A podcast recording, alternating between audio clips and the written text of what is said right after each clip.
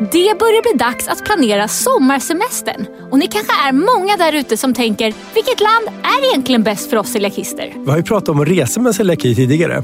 Men om vi ska gå igenom lite regler och vad det är som gäller egentligen. Ja, idag ska vi kora vilket land är bäst och vilket land är sämst på celiaki. Det här är Glutenpodden. Jag heter Smilla Lok. Jag heter Linus Engqvist Rickert. Då kör vi! Det gör vi. Woo!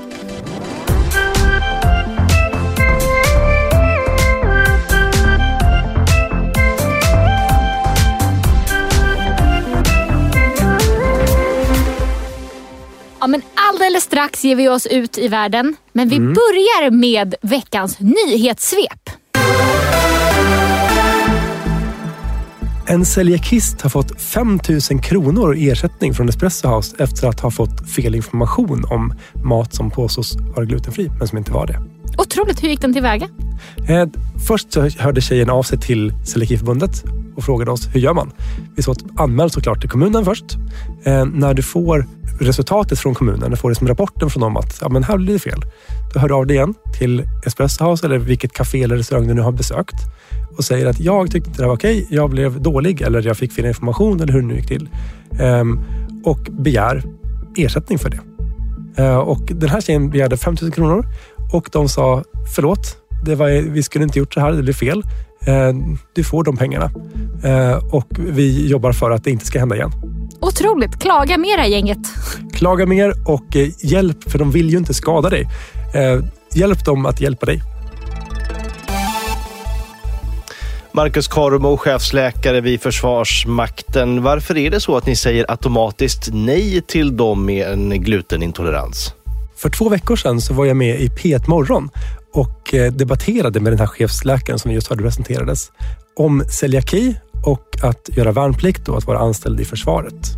I det här arbetet så följer vi lagen om totalförsvarsplikt som anger att det är de bäst lämpade som ska tas ut. Och där gör ju försvaret tolkningen att de bäst lämpade har inte celiaki. Och det håller vi inte med om.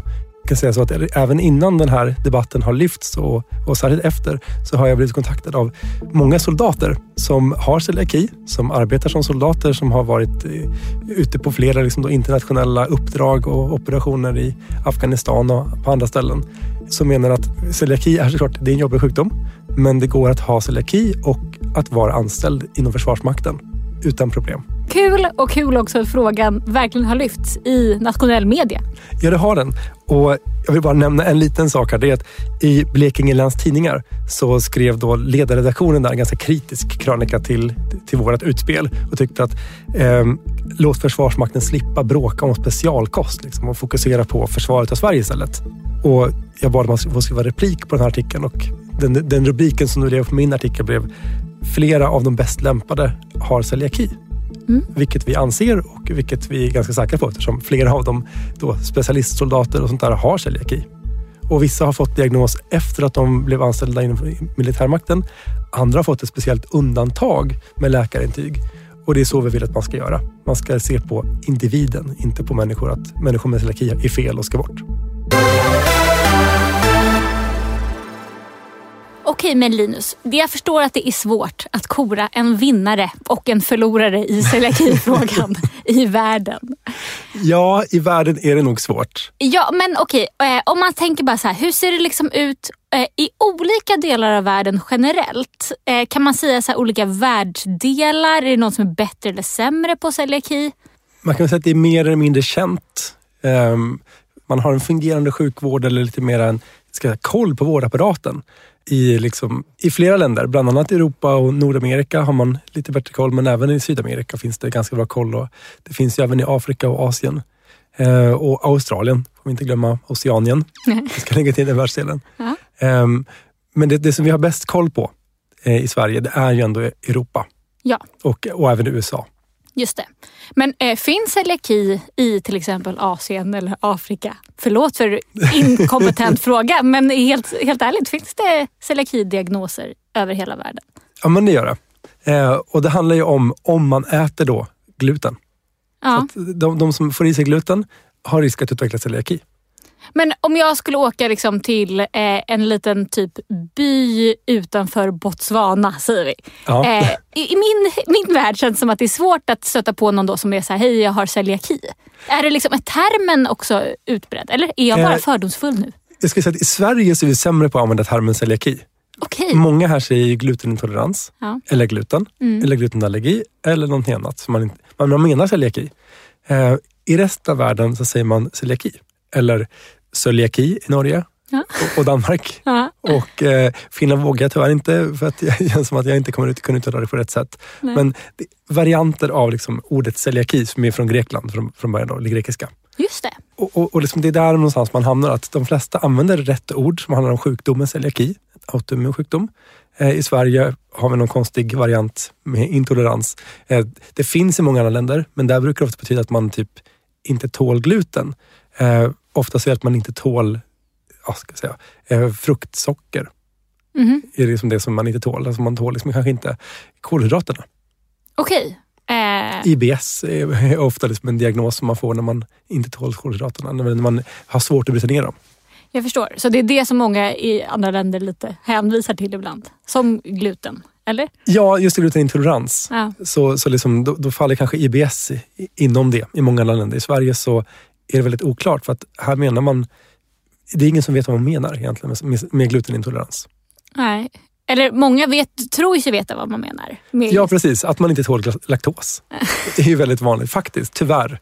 Ja, det är sjukt. Det, men det får vi ju ändra på här känner jag.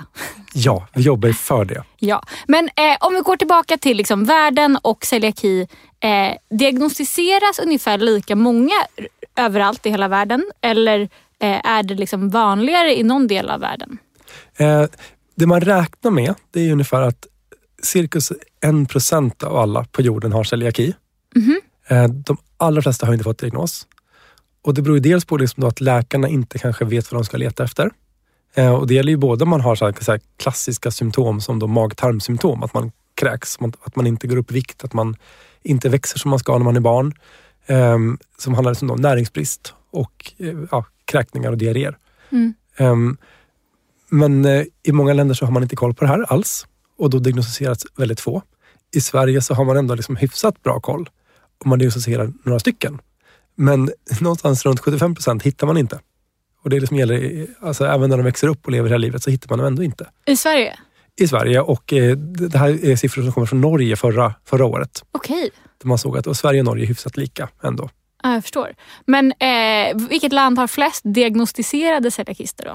Om man kollar procent sådär så lite, lite oklart tyvärr. Sverige har, för ingen statistik över det här på något bra sätt. Så att vi vet inte hur många som har diagnosen i Sverige. Eh, och det är väl, vänta, stopp. Vet vi inte hur många som har, hur kan vi inte veta hur många som har celiaki i Sverige? dels är det så här att det finns en, en, eh, en sjukdomskod eller en diagnoskod som Socialstyrelsen har bestämt. Aha. Eh, nu minns jag inte på rak arm, för det här har jag inte pratat om förut. Jag tror att den heter typ K90 eller något liknande. Okej. Eh, Men det finns i alla fall en kod för celiaki. Den koden ska man anmäla till Socialstyrelsen när man ställer en celiakidiagnos. Alltså läkaren ska det? Läkaren ska göra det. Ja. Men då måste också läkaren gå in i något särskilt program och fylla i just det här. Och det orkar inte alla läkare. De flesta läkare har ganska mycket att göra. Eh, De ska redan fylla i journalen, de ska kanske fylla i tre andra system med olika information om varje patient. Och att de då ytterligare ska göra det här eh, kan man tänka är lite för mycket begärt eftersom alla inte gör det. Okej. Eh, och är det här ett undantag för just Sverige eller är det så generellt i världen att man eh, inte har någon statistik riktigt? Eh, jag vet inte exakt hur det är i andra länder, men jag vet att alltså, statistiken är inte alltid superbra eh, vad det gäller sjukvården. Jag vet att Sverige har ju väldigt, väldigt bra egentligen. Vi, vi sticker ju ut. Till exempel, vi har ett, ett celiakiregister för barn som är det äldsta och liksom, bästa celiakiregister som finns. Trots att vi inte alls gör det helt rätt och, och liksom hundraprocentigt. Eh, för det är också fortfarande här att läkaren själv måste vara den som fyller i och tar initiativ till att göra allting. Eh, och gör inte läkaren det, men då blir det inte gjort. Nej. Men eh, av den statistiken vi har och kan utläsa, liksom, vilket land har då flest patienter? Som... flest patienter, fortfarande lite svårt att säga, men någonstans, alltså Sverige har väldigt många ändå. Eh, det räknas på att någonstans mellan 1 och 3 procent i Sverige har celiaki. De som har diagnos, lite oklart, men de siffrorna jag har hört i alla fall slängas omkring är kanske runt 50 till 75 000. Mhm. i Sverige. I Finland räknar man med att det kan vara lite ännu fler som har celiaki. Eh, exakt hur många som har diagnos väl, vet jag inte riktigt. Mhm. Men eh, däremot just när man, när man har kollat på befolkningen och gjort här studier så har man sett att det, det är ganska högt. Och det finns även några andra länder som också har liksom lite högre andel med celiakister. Mhm. Eh, och bland annat så är det liksom då Iran, Irak har en större andel. Jaha. Där odlas mycket vete vad jag förstår, Ja. som man äter då. Ja. Eh, Det finns även andra delar av världen där det odlas mycket vete men där man inte har jättemycket celiaki. Eh, Och den forskning som har gjorts på liksom då, alltså så här, hur kosten påverkar hur man får celiaki. Det kom en studie från Elin som vi har haft med Mm. tidigare. Eh, Elin Malmberg Hårda Segerstad som är dietist och när hon gjorde sin, när hon doktorerade, disputerade, så kollade hon lite grann på olika kostmönster hur det påverkar och såg hon att det är inte bara om man då äter gluten som påverkar risken utan det, det är liksom kosten som helhet påverkar också, verkar det som. Men exakt vad det är, det vet vi inte än. Utan det, krävs mycket, mycket mer forskning för att få veta liksom exakt vad det är och hur och varför och när och alltihopa.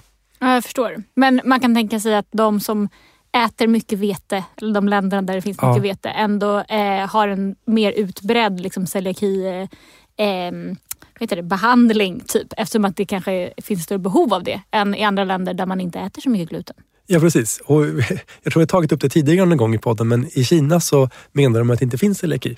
Okej, Så det är spridit. Då behöver man heller inte behandla. Man behöver inte ge något stöd till dem med celiaki eftersom de inte finns. okej. Men Och eh, eh, om man tittar, lyfter blicken, finns det det ändå? Eller, Eh, eller är det... om, om man kollar på människor som kommer från Kina, Ja. då har ju lika många celiaki som övriga världen. Jag Men förstår. så länge de är i Kina och man får bestämma där så säger de att det inte finns hos deras, eh, deras befolkning. Jag fattar. Intressant. Finns det andra diktaturer där man säger så? Jag vet faktiskt inte säkert, men, men eh, vad ska man säga, politiker har ju sällan lika bra koll på sjukdomar som, som läkare.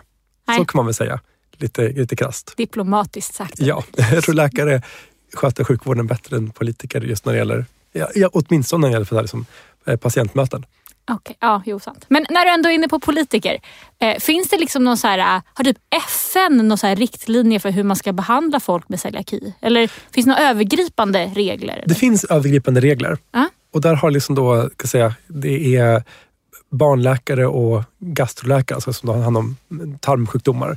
Ehm, Det finns organisationer i varje, varje världsdel vad jag förstår och även liksom någon, någon sorts alltså, som samlar allihopa. Där man har tagit fram då hur man ska ställa en celiakidiagnos eh, och hur man, hur man ska ge behandling. Sen har man gjort om det här också. Då. I Europa så har man gjort om det liksom då för, för att passa Europa. Och i Sverige har man gjort om det här, de här riktlinjerna som egentligen handlar om barn när det gäller liksom då hela Europa. Så har man gjort om det till att gälla både barn och vuxna i Sverige. Okej. Eh, och anpassat då för svenska förhållanden. Svensk sjukvård, hur den är uppbyggd. Eh, och det man har kommit fram till liksom då, när man ställer diagnos är att man först kollar man på patienten och ser, har den symptom eller finns det någonting som kan tala för celiaki? Kanske har en nära släkting, alltså då första grads släkting som är då, om jag har celiaki så är det mina syskon, mina barn och mina föräldrar som är första grads släktingar. Som ett steg från mig. De har en förhöjd risk att ha celiaki. Eh, och det ska man då kolla. Om man har en patient som får celiaki, då kollar man dem fast de inte har, har några symptom som man kan koppla till celiaki. För att många har inte symptom. Nej. Och de ska man hitta i alla fall, men det gör man inte. Det är väldigt, väldigt sällan. Man ska kolla dem. Eh, man tar då blodprov först. Kolla finns det någonting som visar där på celiaki. Om det finns ett positivt blodprov, då får man ta ett till blodprov för att då bekräfta att det verkligen blev rätt, att det ska bli en diagnos. Är det inte solklart att det är celiaki, eller om det är negativt men man fortfarande har symptom, man kan tro att det kan vara celiaki, då får man gå ner i tarmen då och kolla. Och det har du varit med om för, Ja, det har jag. för några år sedan. Ja, många, många år sedan. Det minns jag inte ens själv. Ja, det är tur för dig. De som gör det som vuxna tycker inte att det är angenämt. Nej, man väl säga. Det är många som väljer att inte ta en diagnos för att man inte vill bli utsatt för det här. ja, eh, min pappa har gjort det ut, i vuxen ålder. Ja, Eh, han sa att det var det vidrigaste han har gjort. Alltså på riktigt, att man så för ner en slagg och bara ligger Ja. och hulkar i. Liksom. Det är inte kul. Nej, men okej, den här typen av screeningprocess då som du ändå beskriver. Ja. eh, Är den specifik för Sverige eller görs den även i våra grannländer eller USA? Eller? Man kan väl säga att den ska göras i Sverige. Jag tror inte Okej. att det görs så mycket i Sverige tyvärr. Nej. De följs inte så bra de här riktlinjerna. Nej. Ehm, Men de finns. Och det finns även krav på att man ska, eller det är inte ett krav utan det är liksom en, en rekommendation att man ska träffa dietist minst vartannat år när Mm. man har celiaki. Och det vet du i alla fall att det stämmer ju inte att du blir kallad till vården direkt vartannat år. Nej, absolut. Eh, Men finns det andra länder då som är liksom bättre på att eh, göra så här? Eller är ändå Sverige ett av de bättre länderna på att ha?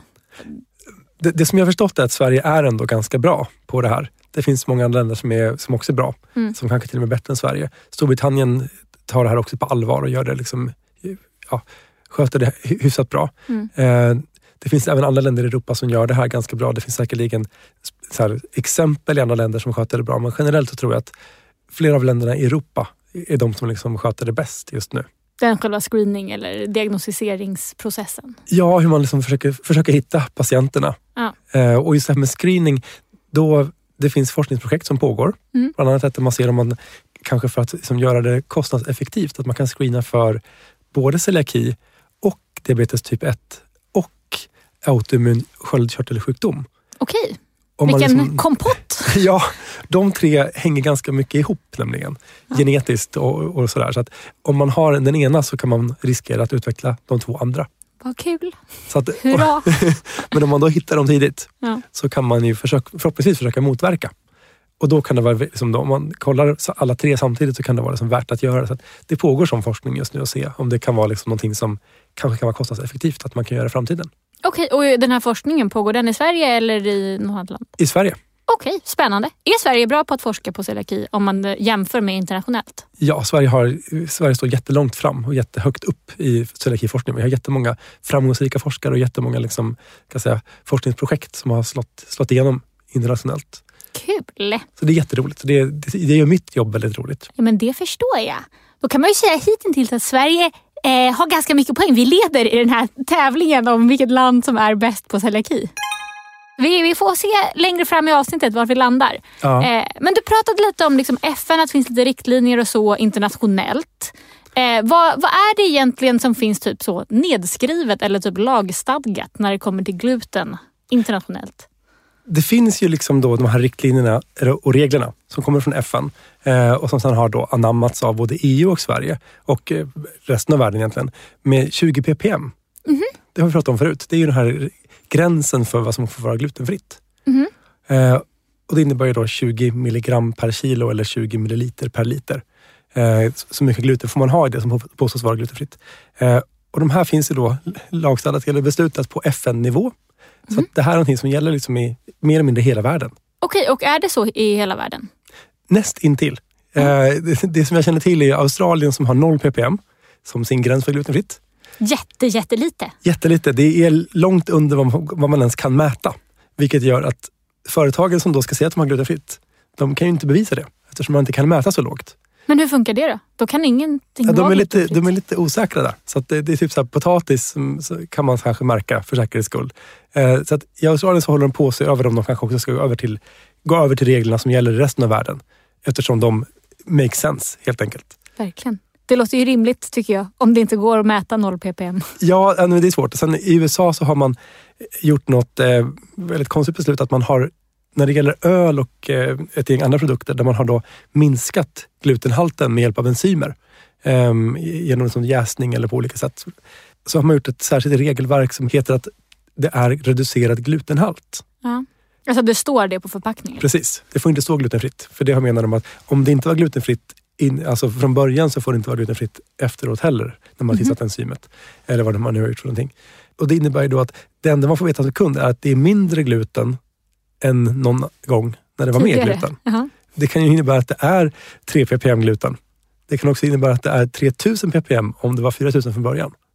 Så att, Det, det vet du inte som kund. nej, men så att om det står eh, reducerad glutenhalt på ett eh, bröd så kan det vara så här. Förut hade vi 7 deciliter vetemjöl och nu har vi bara 6,5. Ja, det, ja, det, här, det här gäller bara liksom då flytande, så här, jästa eh, flytande produkter.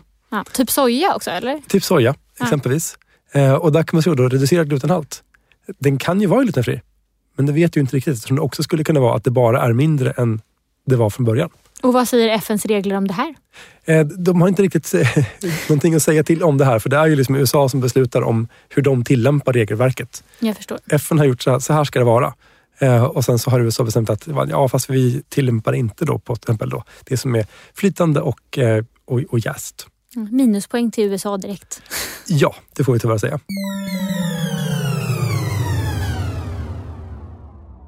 Okej, men nu har vi ju liksom fått en liten övergripande bild skulle man kunna säga av hur det ser ut internationellt och vad som liksom förenar de olika länderna när det kommer till celiaki. Men om vi ska liksom nu djupdyka och se land för land för att då kunna kora en vinnare till slut. Ja. Eh, hur ser liksom användningen av det överkorsade axet ut till exempel? Är det likadant i alla länder? Det, det finns ju bara i Europa, just vårt Jaha. överkorsdags, än så länge. Men vadå, jag har sett det i USA jättemycket.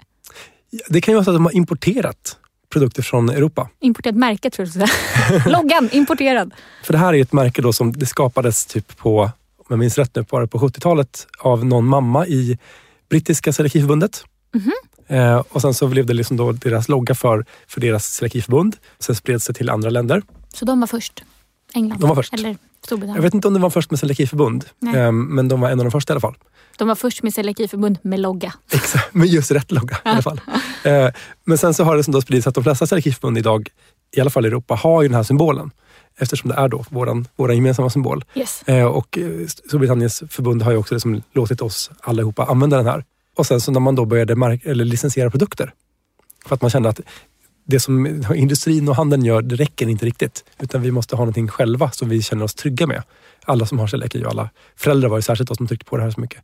Då börjar man använda den här symbolen och sätta på produkter för att visa upp att den här, den här produkten ställer vi oss bakom.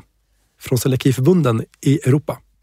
Så att när, när vi då i Sverige licensierar ett, för, ett svenskt företag med symbolen så innebär det att vi visar upp för alla i Sverige men också för alla i resten av Europa att den här, den här produkten ställer vi oss bakom och den uppfyller de här kraven i regelverket som vi har skrivit upp själva.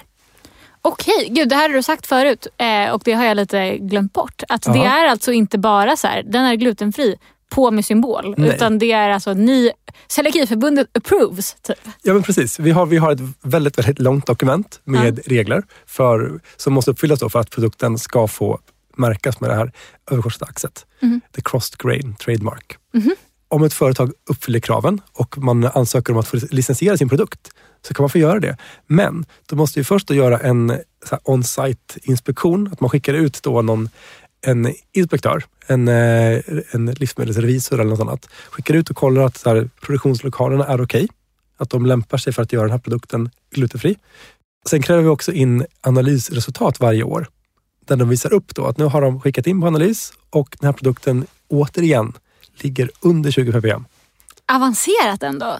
Ja, och, och det här liksom, vi tycker att det borde vara ganska enkelt och att myndigheterna borde göra det egentligen.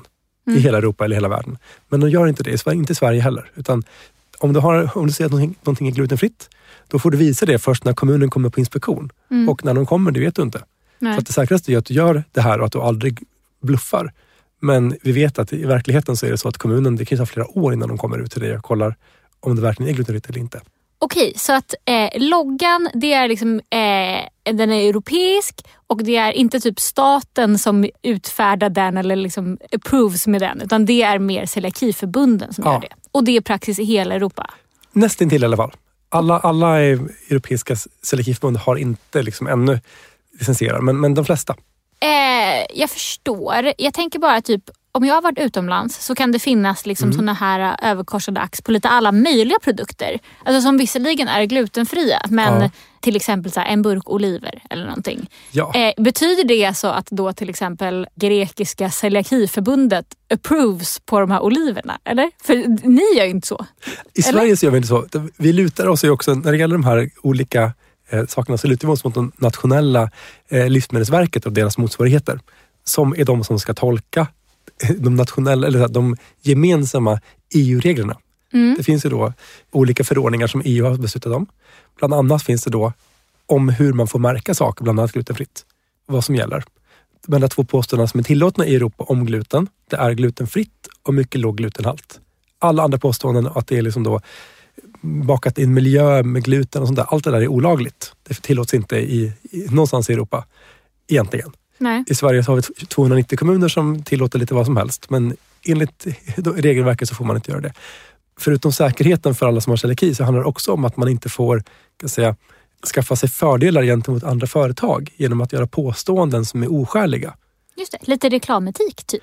Ja, precis. Och det här finns också reglerat i, i lag över hela EU. Och då är det så att man får inte göra påståenden som inte är, liksom är relevanta, vad som inte är unika. Alltså att om det då är oliver till exempel, oliver i, i vatten eller olja. Mm. Där det inte finns något gluten. De glutenfria oliverna, eller som påstås vara det, skiljer sig ju inte från andra oliver. Nej. Eftersom alla är glutenfria, alltid. Ja. Så att om du då skriver glutenfritt, då påstår du någonting som är självklart i och för sig, men som, gör liksom, ja, som kan skapa en konkurrensfördel till dig. Just det. För då tror ju folk som har celiaki att okej, men de, de här är glutenfria. Då innebär väl det att de andra inte är det. Ja. Och så väljer man de som är glutenfria. Eh, Och i Sverige har man gjort tolkningen av lagen att så får man inte göra, utan du får bara märka det som är relevant. Men det har jag varit inne på förut. Fiskpinnar, bröd. Precis, det får precis. märkas. Ja, det får märkas. Men, Men i- inte oliver och inte äpplen och Nej. inte vindruvor. Men i Grekland eller Spanien, där är det fritt fram, eller? Där har deras, deras nationella livsmedelsverk gjort en annan tolkning av lagen. Så att man kan väl säga att södra Europa, lite av Centraleuropa också, där har man tolkat det som att märk som du vill. Det är liksom konkurrensen, konkurrenslagarna, de bryr sig inte så mycket om. Men däremot märk som du vill. Eh, Så märk gärna allt.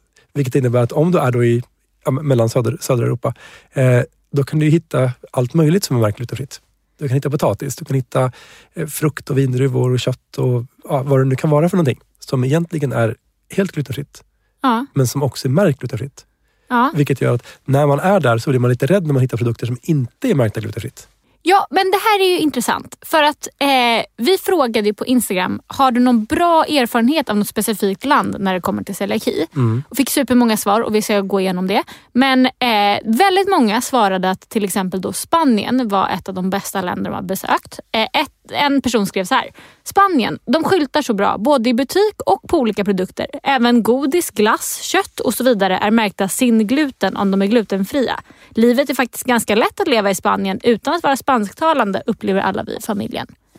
Och här är det ju då eh, svenskar som är vana vid svenska märkningen eh, där det bara är på relevanta produkter som tycker att det är toppen att det är märkt även i Spanien på till exempel äpplen, glass, vad det nu eh, de sa. Ja, Vad är egentligen bäst? Är det inte, ska man inte bara märka allt då? Finns det någon fara med att märka allting? det är lite oklart faktiskt vad som är bäst. Ja. Eh, tydlig information är ju helt klart bäst. Och I Sverige så märker vi att det kan ju vara väldigt svårt att läsa innehållsförteckningarna, att de kan vara väldigt små. Så att om du då ska plocka upp en produkt och läsa vad den innehåller och du ska försöka leta upp då de här sakerna som innehåller gluten, om det kan vara eh, olika vetetyper eller vad det nu kan vara för någonting, så kanske du inte alltid kan se det. Och då är det smidigare om det står glutenfritt. Ja. Men, men utif- utifrån liksom då de här olika regeltolkningarna som görs i de olika länderna i Europa så tillåter man inte i Sverige mer märkning än just de här som då, där det finns glutenhaltiga alternativ. Mm. Men det är ju mycket tydligare när man har till exempel då på restaurangmenyer när det står vilka rätter som är glutenfria. Just det, för där får man väl göra även i Sverige, alltså märka ut även om... Där får man märka ut. Ja. De flesta väljer ju att inte göra det. Nej, Utan de flesta väljer att ha den här lappen. Om du har allergi, fråga oss. Eller, eller, liknande. det. Eh, det vi vill ju- är ju att man ska ha både den här lappen, fråga oss om allergier, men också att det ska stå på menyn. Mm. För det är fortfarande så att om du har celiaki och ska äta på restaurang, så ska du fråga igen. Fråga och fråga och fråga och fråga igen. Även om det står utmärkt på menyn. Ja. För det är så att de har inte alltid stenkoll. Eh, jag var på restaurang förra veckan eh, med några kollegor där de tog emot en beställning som var glutenfri. Stod på menyn att allting, allting kan fås som glutenfritt. Jättetydligt, jättebra servitris. Plockade upp eh, beställningen och det var, en skulle ha vegansk och glutenfri och en annan skulle ha glutenfritt. Sen när maten kommer, eh, den glutenfria veganska pastan kom sist. Kommer den in, serveras. Tjejen som är lite rutinerad frågade igen, så här, är den verkligen glutenfri? Fast hon hade frå- frågat tre, fyra gånger innan. Och får höra då, nej, nej, nej, nej, inte glutenfri. Alltså nej, nej det, är, det är den inte. Nej. Men, nej, men, jaha, okej. Och sen fick, vi, fick jag förklara efteråt då att då hade deras bångmaskin, alltså den som trycker ut då själva liksom ordern till kocken. Där hade det varit någon, det var extra streck som gjorde att han inte såg att det var glutenfritt också. Eftersom det också var veganskt. Och två sådana här specialordrar gjorde att det inte gick att se. Okej, att perfekt. vad, vad du än äter, även om det allting är jättebra utmärkt, så var ändå beredd på att det kan gå fel.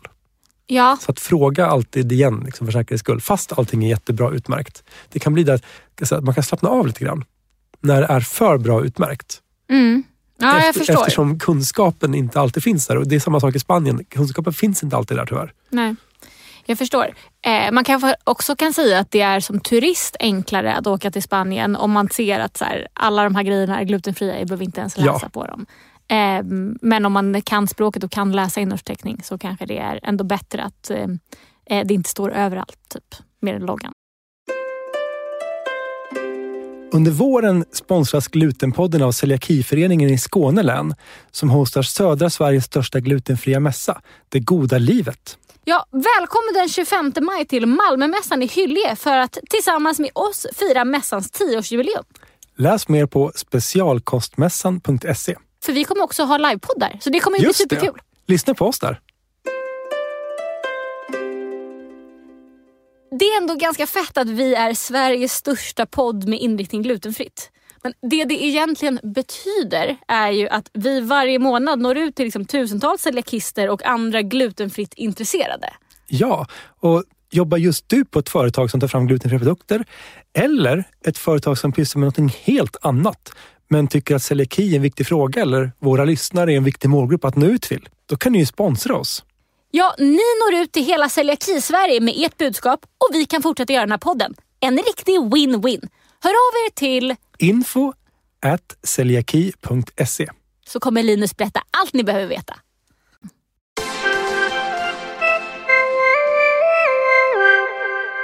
Men om man tittar liksom generellt eh, i Europa eller i världen Ja. på olika länder och deras produktutbud Mm. När det kommer till glutenfritt. Då. Finns det något land som är bättre eller sämre upplever du från Celiakiförbundets sida?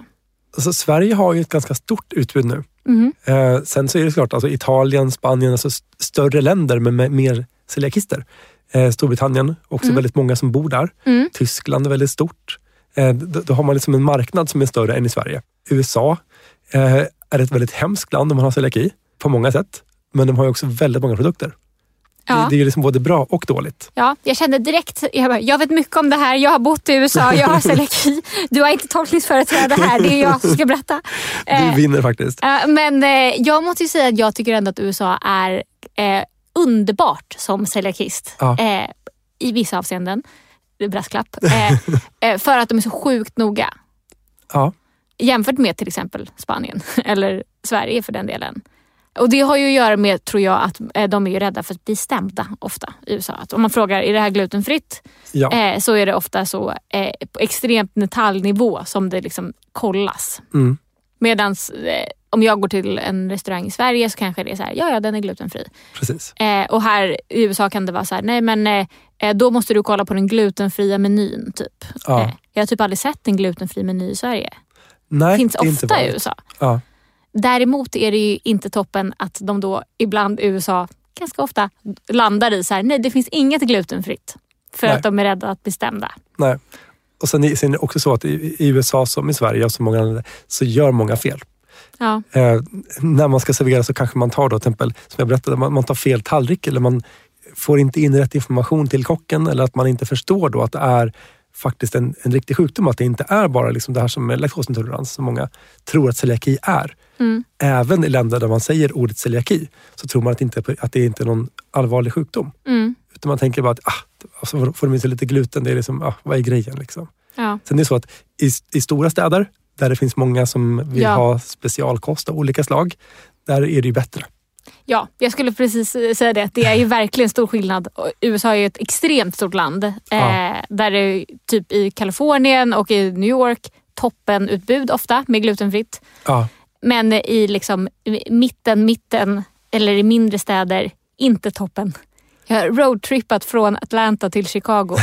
inte toppen glutenfritt utbud tyvärr. inte överallt. Nej, men när jag var på Santa Barbara i Kalifornien, då eh, gick jag förbi en butik som var en glutenfri bröllopstårteprovsmakningsbutik.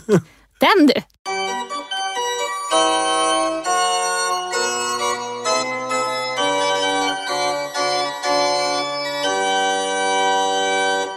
Eh, men vi frågade ju den här frågan om produkter även på Instagram. Då var det en som skrev så här, vilket jag tyckte var lite kul. Eh, Åland är så bra. Min erfarenhet är att de har helt andra märken i Sverige och ett otroligt utbud på till exempel bröd, fikabröd, pasta etc. Inte som i Sverige, utan allt från rågbröd till polarbröd och sortiment av riktigt bra pasta som jag enbart hittat att beställa från dyra sidor här i Sverige. Och egna finska märken eh, som är toppen. Till exempel deras korvbröd köper jag alltid med mig hem ett lager av. Det finns ju en hel del glutenfria märken från Finland. Ja. Eh, De producerar väldigt mycket glutenfri havre, så att det finns väldigt mycket liksom glutenfria produkter i Finland. Men av någon anledning så de, de, det importeras inte så mycket hit till Sverige. Så konstigt. Är det inte så att till och med Fazer har supermycket bra Ja, glutenfritt jag, jag har frågat färskbröd? just dem. Ja. här, var, varför har ni så Vart lite i Sverige? det? Ja. Men, men liksom, jag får inte något bra svar. Det jag vet är det att det finns väldigt mycket finsk mat. Det finns väldigt många människor i, i Sverige som har finskt påbrå. Ja. Eh, men det finns väldigt få finska restauranger. Och det här har jag, jag har hört någonstans i något, något sammanhang att det finns en anledning till att liksom då vissa kulturer, vissa länder, finns det jättemånga restauranger i Sverige och väldigt mycket mat från det landet. Eh, men just det som då Finland, där vi har den allra största gruppen som är liksom då utlandsfödda och invandrare till Sverige, finns det väldigt, väldigt få. Av någon anledning så eh, Sverige, Sverige svenskar har inte upptäckt liksom finsk matkultur ännu. Eh, jag är inte så bevandrad ska sägas i finsk matkultur. Nej. Men min fördom är att det är inte så himla mycket som eh, skiljer den från svensk matkultur. Det är liksom inte som thaimat som är helt, helt, helt annorlunda. Förutom det glutenfria fatserbrödet. Ja, jag tänker just, just glutenfritt bröd och Ja. glutenfria produkter, tror jag att där finns det mycket att hämta från Finland. Ja. Faktiskt. Det den som lyssnar på det här som kan köpa in saker. Köp in finskt glutenfritt bröd och skicka det till oss så jag kan köpa det. Tack. Men det är en annan som skrev på Instagram eh, skrev så här. Eh, England där jag bor har bästa glutenfria brödet. Riktigt bra överlag faktiskt. Ja, Och någon skrev i Spanien, där finns till exempel färdigbakade glutenfria tårtor i butik. Skickade med en liten bild på en marsipantårta där det stod Gulligt. sin gluten. Fint, det har inte jag sett i Sverige heller. Nej, Eller? Nej, har man det? Finns det på typ Ica och Coop? Nej. inte som jag har sett i alla fall. Nej. Det kan hända att någon annan som lyssnar på podden har sett det här Ja. och kan skicka in en bild. En till bild. Ja, men, men man kan väl säga att generellt så är det så att de större länderna med väldigt många människor som bor där, Mm. som Italien, Spanien, Tyskland, eh, Åland kanske inte kommer in på ett stort land där väldigt många människor bor med celiaki. Eh, men Storbritannien faller ju in där i alla fall. Ju större marknad du har, desto enklare är det att sälja produkter Just det. eh, och satsa på den produktutvecklingen också. Sen är det många som gör det i Sverige också. Eh, men även Finland satsar väldigt mycket på glutenfri mat. Ja, men kan man inte säga att det finns någon typ av synergi där i att så här, eh, ju fler det är som har celiaki i landet Mm. och ju större efterfrågan är, desto fler produkter utvecklas det. Men också ju fler produkter det, som utvecklas, desto fler köper de produkterna och också liksom, eh, ja, men konsumerar det. För att här, om det finns ett jättebra mjukt glutenfritt finskt bröd, Ja. då kommer många köpa det. Så kan det verkligen vara.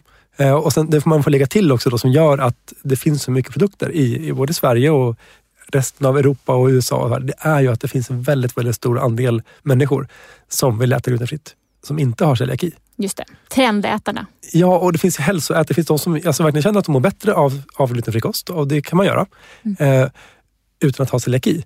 Men det är ändå så att väldigt många av de här människorna kan också välja att äta gluten utan att få någon negativ hälsoeffekt av det. Mm. Vilket gör att som företag kanske man inte vågar satsa helt ut. Man vet att den här gruppen, kundgruppen är lite, ja, lite rörlig. Eh, De kanske inte är trogna. Alltså de med celiaki kommer ju troligtvis att vara trogen de här liksom, produkterna som är glutenfria resten av livet. Just det. Eh, om inte något väldigt revolutionerande händer inom forskningen. Eh, men, men än så länge ser det inte ut som det, utan det ser ut som att man får äta glutenfritt resten av livet. Mm. Eh, de vi är trogna, de finns kvar. De försöker vi också liksom då visa upp för, för livsmedelsföretagen. Att vi, vi har en panel, celiakipanelen, Mm. där vi försöker få företagen att samarbeta med våra medlemmar för att få fram bra produkter som kommer att hålla i längden och som, som, som verkligen folk vill ha. Men det, det behövs mer forskning, mer, mer jobb på det här med glutenfria produkter. För det Mm. finns mycket som är bra. Det finns också mycket som kan bli bättre.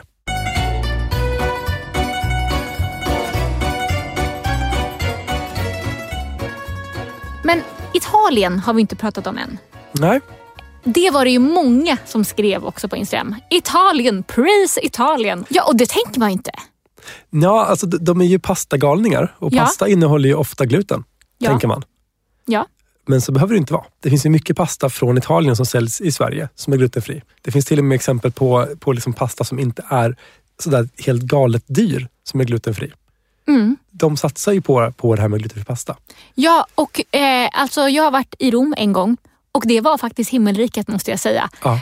Överallt så på restauranger så skyltar de med så här, we have gluten free pasta, we have gluten free pizza, we have gluten free ravioli. Alltså allting Ja, eh, fanns glutenfritt och det var liksom bra. Det var typ, jag vet inte om det var handknådat men det var känslan i alla fall att det var liksom eh, nice pasta. Liksom tjocka Ja. pastastrån, mycket sås, guck. Alltså inte den här liksom lite trista glutenfria svenska varianten som man kan få när man beställer pasta på restaurang. Utan att det verkligen var dedikerad glutenfri asgod pasta. det är riktigt, riktiga grejer. Verkligen. Eh, och det är helt fantastiskt. Det tror jag många inte tänker spontant att Italien ska vi besöka för det. Nej, nej men så kan det nog vara. Eh, det vi vet som liksom då en, så här, en viktig faktor med Italien som gör att de är... eh, Som, de, de får många poäng när vi, när vi liksom då ko- kollar på det här. Ding, ding, ding. Det smäller in poäng där. Men det är så att det finns väldigt många celiakiforskare i Italien. Jaha. Och det är så att det finns väldigt många, det finns många liksom då, säga, äldre, ofta gubbar, eh, forskare från Italien som har drivit den här frågan väldigt, väldigt länge. Eh, vilket gör att de som är, finns i Italien, liksom då, både myndigheter och andra, har ju liksom då haft en relation till de här stora forskarna. De har gjort mycket projekt med, tillsammans med kommuner och med, med, liksom med staten och allt möjligt. Så att det finns liksom en, en, en större kunskap skulle jag tro i alla fall. Jag vågar inte uttala mig bergsäkert. Men jag tror ändå att, att forskarna i Italien har gjort så att italienska myndigheter eller byråkrater och sånt där har bättre koll på sjukdomen än i de flesta andra länder, eh, och inklusive Sverige. Det är fantastiskt. Det är nästan lite gulligt att man kan tänka sig att så här, italienarna med sin pasta och sitt bröd och Ja. sin pizza, bara, det här är ändå en viktig fråga. Alltså fatta vad liksom förödande att för några år sedan födas med celiaki i Italien. Ja. Och bara, nej, ingen pasta, ingen bröd, ingen pizza. Då, då var jag bara upp till kamp, börja forska. Men här, Italien uppfattar jag ändå som att det är ett land där man, som sagt, man jobbar mycket tillsammans. Alltså, med- alltså, samhället tillsammans med forskarna. Vilket gör att man får en större kunskap. Det är också liksom då ett av få länder där man får någon sorts bra bidrag från staten. Berätta mer. Eh, Det är så att i Italien så får man, jag tror att det är 200 euro per månad Va? om man har celiaki.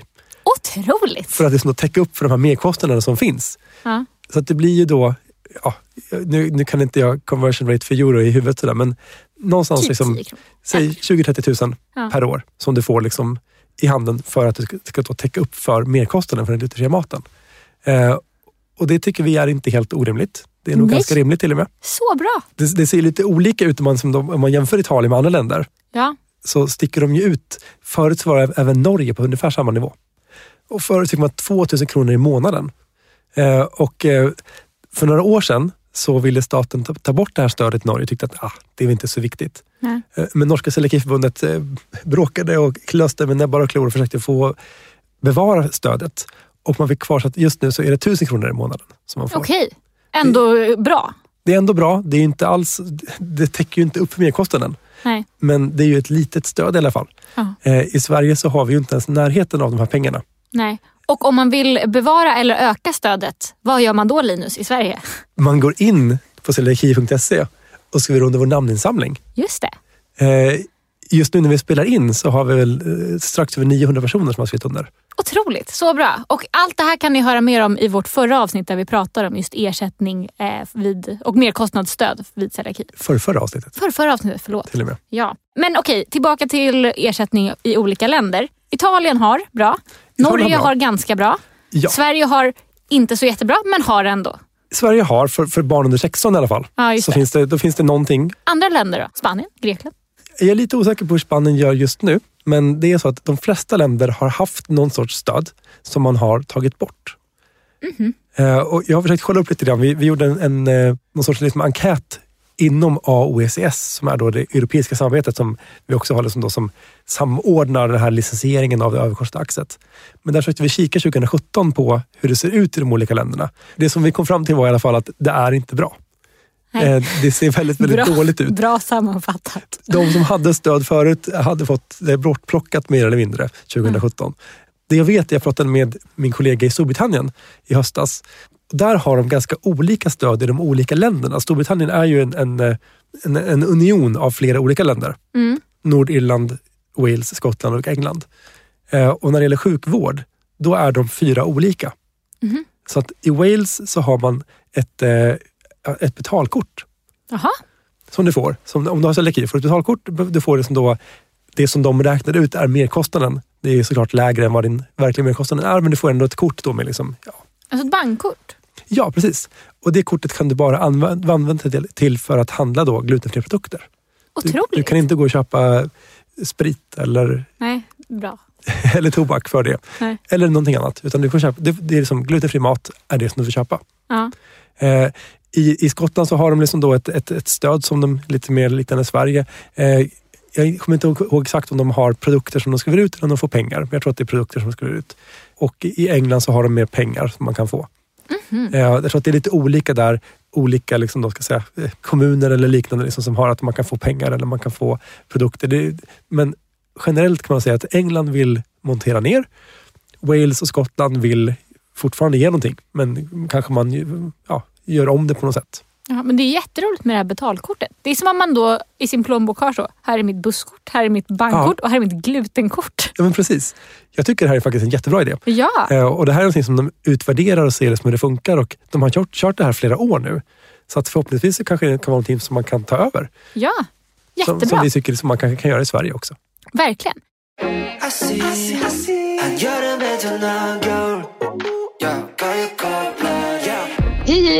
Jag heter Sofia. Jag är 19 år gammal och fick eh, diagnosen celiaki för ungefär tre år sedan. Jag kom precis hem ifrån en tre månader lång resa runt i Sydostasien.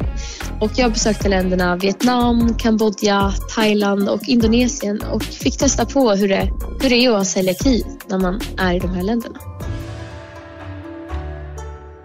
Jag har ju käkat mest street food Egentligen mycket för att hålla det billigt men också bara för att det är det jag är intresserad av.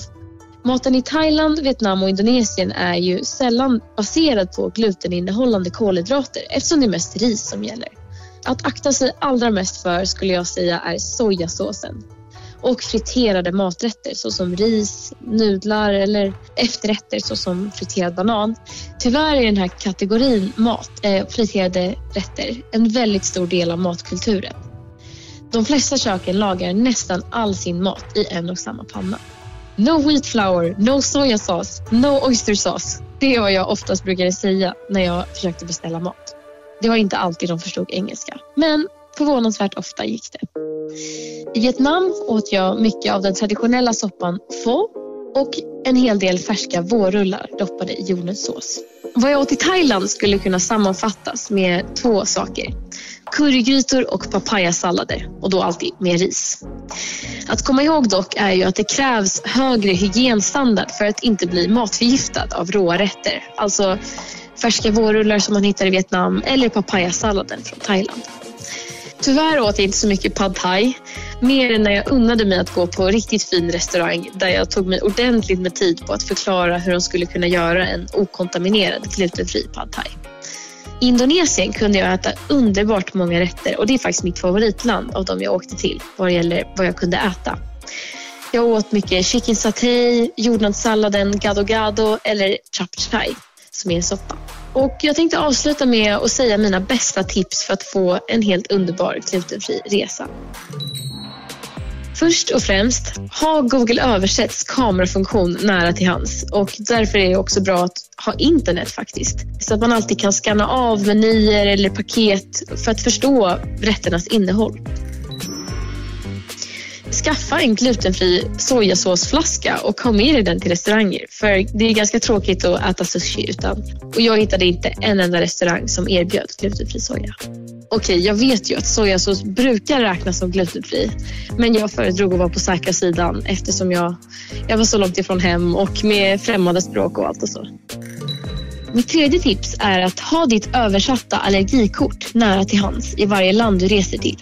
Jag hade det till och med som bakgrundsbild. Däremot, om maten du får verkar riskabel ska du såklart fråga igen eller avstå från att äta det. Det är inte alltid de förstår vad som står på kortet.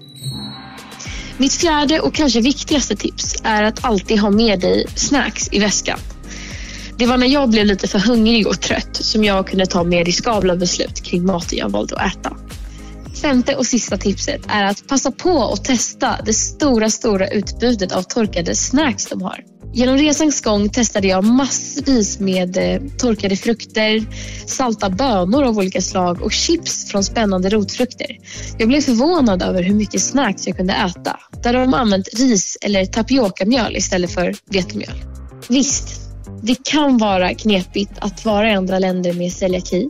Men det går och med tanke på alla upplevelser och erfarenheter man får av att resa så tycker jag det är 100% värt det.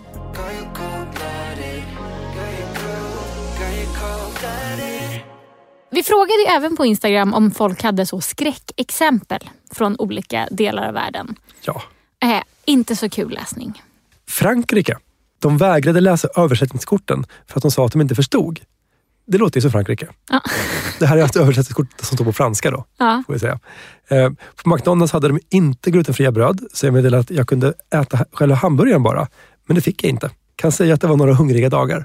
Ja. Gud, nu vill man inte dra alla fransoser och fransmän över en kam. Men det, det känns som att det ibland generellt finns en lite mer motvilja till att mötas på engelska. Ja, många fransmän önskar ju att alla kunde franska. Ja. Men nu ska jag säga ett riktigt lifehack till dig Linus. Ja. För jag läste faktiskt franska på gymnasiet. Det är ju väldigt låg nivå ska tilläggas ändå. Eh, gymnasiefranska. Nej. Men eh, då i alla fall så skulle jag till Frankrike den sommaren som jag började plugga. Så då lärde jag mig två lite sådana fraser. Je suis allergique au gluten Oh. till exempel. Eh, och eh, liksom lärde mig typ en harang på eh, då Ja. franska om att jag var glutenintolerant. Typ, det, ja, men typ översättningskortet lärde jag mig på Fast, franska. fast live. Ja, det funkade ganska bra. Och vet du vad det bästa var? Ah. Eh, nationella proven i franska, om man har det som sitt språk, då, Ja. är alltid berätta om dig själv. Je suis allergique au gluten. Fick så bra betyg. För att jag då lärde mig den här harangen. Så det kan vara värt om man ska då plugga franska. Lär dig den. Bra för både hälsan och betygen. Ja, Jaha, det är ju jättebra lifehack. eller hur? Eh, en annan person skrev, var precis på Cypern. Nästintill omöjligt att hitta och få något glutenfritt. Ja, och där är vi igen liksom ett lite, lite mindre land med färre människor med celiaki. Jag tror heller inte att den här glutenfria trenden är lika stor där. Utan det är, de, de som jag känner till som har glutenfri, stor glutenfri trend, det är ju liksom Sverige, Italien, USA. Ehm, så att om man då har bara de som har diagnostiserad celiaki som äter glutenfritt, då har man inte jättestor kundgrupp och det är svårt att, att kräva sin rätt helt enkelt. Ja, verkligen. Men, eh, generellt kan man väl säga då att till exempel ska man till Cypern, om man har möjlighet att välja något hotell som känns väldigt liksom, turistigt och internationellt, så brukar det gå att lösa, eller brukar, gud, jag har varit i Cypern en gång. Då gick det att lösa glutenfritt bröd på frukosten, för det var ett ganska internationellt hotell. Ja, men precis. Men så, så det är ett bra tips faktiskt. Mm. Och hör av dig i förväg. Ja, det hade liksom inte jag tänkt på innan att man kan, men det verkar det vara många som gör ändå. Typ Ja. mejlar hotell Mm. och så och säger hej jag kommer, har ni något glutenfritt? Precis, och- där är det bra att kolla med hotellet direkt istället för att kolla med resebyrå. För att de kan ju ibland kanske glömma att kolla med Just hotellet och bara säga att ja, men det, det är lugnt, det fixar vi. Mm. Och så kommer man dit och så har de inte fixat någonting. Nej. Så att om du vet vart du ska åka, kolla med hotellet direkt och kolla som finns det glutenfri mat. Eh, om inte det finns kan ni göra det till mig. Just det. Ett annat sånt tips om man ska ut och resa är ju den här appen Find Me Gluten Free. Mm. Eh, det är en app som är typ som Tripadvisor skulle man kunna säga. Eh, där folk själva får skicka in typ recensioner på restauranger Ja. och ställen och säga hur bra de är på glutenfritt och inte. Inte så utvecklad i Sverige. Nej, vi, jag tror vi har nog försökt lyfta det några gånger liksom, till Ja. våra medlemmar. Ja. Men än så länge så är det inte jätte- jättemycket. Nej, och det bygger lite på att många har lagt in mycket recensioner för att det ska vara värt att sen kolla. Mm. Alltså det, är- det är som ett, eh, en eh, positiv spiral när den väl drar igång. Men i många andra länder så är det ju väldigt många som skriver. Ja. Eh, och man kan liksom, är man i Paris kan man gå in där och kolla och se vad olika ställen har för glutenfritt erbjudande liksom, och utbud. Väldigt bra tips måste jag säga. Ja, det, det lyfter vi upp. Ja, ett otroligt sätt att turista i nya städer tycker jag som celiakist Ja. är ju att kolla upp i förväg lite olika ställen som skulle kunna vara bra på glutenfritt. Kanske Mm. via den här Find Me Gluten Free, kanske man googlar lite så. Försöker hitta olika glutenfria specialställen. Precis. Och sen så markerar man ut dem på sin Google Maps om man använder det som kartfunktion. Stjärnmarkerar dem så att man i sin liksom karta har massa stjärnor på glutenfria ställen. Ja. Eh, och sen går man runt och turistar lite så tänker man, åh jag är sugen på lunch. Går mot en stjärna och då på Åh. vägen så hittar man kanske fina saker som man vill se eller man går förbi en Ja. butik eller så. Så att man liksom har alltid ett mål och det är ett glutenfritt mål. Smart. Och så turistar man på det sättet. Ja. Det tycker jag är så otroligt mysigt. Det är jättesmart. Ja, det är ett tips. Men ska vi ta ett sista skräckexempel? Något litet land som vi, som vi har glömt. Ja, det gör vi. Eh, vår kära granne Danmark. det, vi kan ju inte inte prata om Danmark i den här podden. Nej, vi har, vi har ju nämnt Finland ganska mycket, hur bra de är. Och Norge. Ja. Eh, Danmark, inte toppen, eller? Alltså de, de kommer ju inte så högt upp. Det som stod här på, på Instagram var ju Danmark har aldrig kunnat äta på en enda restaurang trots översättningskort. Ja, jag minns när jag var på Legoland när jag var liten och frågade om, eller mina föräldrar frågade om det fanns Mm. glutenfri mat. Eh, och de sa nej, inte ens ketchupen är glutenfri. Alltså bokstavligen Oj, oj. så. Det var liksom som att det var så här, nej, och inte ens ketchup får du äta. Det var, det, det var ju snällt av dem. Ja, Omtänksamt. ja. Eh, jag var i Köpenhamn i somras. Och Ja. eh, det är ändå lite så trendigt får man säga. Det alltså trendig stad Ja. typ. Eh, där var det ett ställe som hade glutenfri mat. Men jag hade liksom tänkt så, vi åker dit, det kommer vara så härligt mycket olika Mm. eh, trendiga ställen, allt kommer vara glutenfritt. Nej, nej. Jättesvårt. Alltså jätte, jättesvårt att få glutenfri mat. Ja, alltså Danmark sticker ju ut lite grann liksom då, i de nordiska länderna. Ja. För annars är det så att, eh, men om man tar då Sverige, Norge, Finland. Mm. Det är tre länder där man håller på, det är mycket forskare också som håller på från de här länderna som håller på, så framstående forskare. Eh, så man ger stöd. I Finland tog man ta bort, tyvärr bort stödet bara över en natt så där, från, för några år sedan Mm. till allmän celiaki. Eh, men det har funnits stöd i alla fall och det finns många forskare, det finns mycket liksom ändå kunskap om celiaki. I Danmark verkar det som att ja, det, det finns några forskare, det gör det. Eh, men eh, samhället stort, glutenfri mat, nej. Men eh, varför det? Det är så konstigt. Det, finns det inga celiakister där? Eller vad hände? De jag är vet bara inte anti. riktigt. Det, det finns och det finns ett celiakiförbund. Jag pratar med dem. lite Vad säger de då? De tycker inte att Danmark är så bra på Nej. celiaki. Men eh, så konstigt. Det är konstigt och det är någonting som vi såklart vill att de ska liksom förändra. Eh, Men vi, hoppas- vi försöker stötta våra, våra kollegor där eh, och även liksom prata med, med läkare och sånt där och hoppas på att det blir bättre. Ja, men än så länge minus i Danmark helt enkelt. Danmark har flest minuspoäng i, i, ja, i alla fall i de nordiska länderna. Okej, men nu har vi varit inne på lite olika specifika exempel. Liksom. Mm. Ska vi försöka kora en vinnare och kanske även en förlorare? Jag tycker verkligen vi gör det. Ja, men ska vi börja kolla då på Instagram-frågan, våra lyssnare, eh, vilka länder de tyckte var bäst. Vi kan börja nerifrån då. De Ja. som kanske inte fick så jättemånga poäng men som ändå någon tyckte var bäst. Ja, frågan var ju helt enkelt, vilket land tycker du är bäst på celiaki? Precis. Och vi kan bara nämna lite kort då. Ungern, Sydafrika, Skottland, Mexiko, Japan, Sri Lanka. Mm. De, de fick någon poäng. Ja. Eh, men eh, tre poäng sen, eller tre röster, gick Oh. till... Tyskland, Fyra poäng gick till, England, Australien och Nya Zeeland. kul för dem. Sju poäng gick till. USA. Och då ska också nämnas att det var sju poäng som var för USA. Sen var det också några som sa att USA var det sämsta landet. Så det är lite minus där kanske. Men, Ja, eh, ja. men ändå, de ligger någonstans i mitten. Ja, Okej, tio poäng. går till Finland. Way! Det här får vi säga i bronsplatsen faktiskt. Okej, nu kommer vi upp till andra platsen. 27 poäng Till går till Spanien! Med alla deras olika märkningar hit och dit. Det tycker ändå lyssnarna om. Det känns ändå hyfsat tryggt att man får veta att det här är glutenfritt. Ja. Det finns liksom ingenting att tvivla på. Sen är det så att det är mer fusk i Spanien än där i Sverige. Så att det finns fortfarande så att det kan, bara för att det står glutenfritt behöver det inte alltid vara det. Nej, okej, lite minus där. Så det är Men lite ändå. minus. Okej, ska vi säga vinnaren bland lyssnarna i alla fall då? Det, det var ju 36 poäng jämfört med då 27 på andra plats. Ja, Det och det många. går till... Italien! Yay!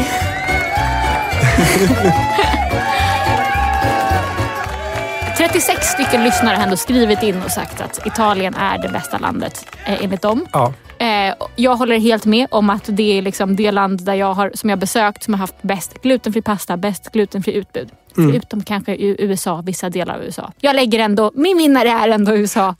Vissa delar av den. men tänker, det finns ju även restauranger i Sverige som gör glutenfritt superduper bra. Ja, Eh, och i, säkert i Polen. Och, och Ja, kanske i- såklart. jag tänker, det finns ju alltid exempel, men jag tänker att om man då ska vä- väga in alltihopa. ja bidraget till exempel också. Alltså Ja. de här 20-30 000 kronorna. Precis, det är mycket pengar. Verkligen, också Italien. Det är, min- uppfattning i alla fall, nu kan det här vara så att jag har fel, men min uppfattning är ändå att celiakiforskarna i Italien har lyckats bäst med att ja, blanda in sig i samhället och få fler än liksom då, kan säga, forskarna och närmsta, ja, de som är närmast berörda att förstå vad celiaki är. Fantastiskt. Så ska vi bara helt enkelt eh, kora Italien till vår allmänna vinnare i det här programmet. Jag tycker det. Grattis Italien! Stort grattis! Och då är det ju bara jumboplatsen kvar. Ja, Det är lite mer... Eh, eh, det är inte men- lika tydligt. Ja, Danmark ligger väl ändå där uppe. Jag tänker att Danmark kanske till och med tar hem det. Ja, men mest också för att det kan absolut vara sämre kanske i något land i Asien. Ja, eller så. det. Men liksom jämfört med alla, alla vi runt omkring Danmark står Ja. och liksom forskar och ger bidrag och har bra produkter. Och så kommer danskarna och har inte ens glutenfri ketchup på Legoland. De sänker ju hela Norden. Ja, verkligen. Det här är pinsamt. Dansk Skärpning. hat på hög nivå i Glutenpodden. Danskarna som, som människor, jättetrevliga. Ljuvliga. Eh, Mm. Danmark som land, ljuvligt. Ja. Danmark som celiakiland, Inte ljuvligt. nej. Eh, Men med det sagt ska vi runda av den här podden nu. Jag tycker vi gör det. Tusen tack för att ni har lyssnat. Eh, ska ni boka en resa i sommar, då vet ni vart den går. Italien. Italien. Absolut. Vi hörs nästa avsnitt. Ja, och, och glöm inte att bli medlem i Celiakiförbundet. Bli Verkligen. medlem nu. Bli medlem. Eh, sätt en liten eh, prenumerationsping på podden så ni hör när nästa avsnitt kommer. Om tre veckor. Om tre veckor hörs vi då. Hej då! Hej då!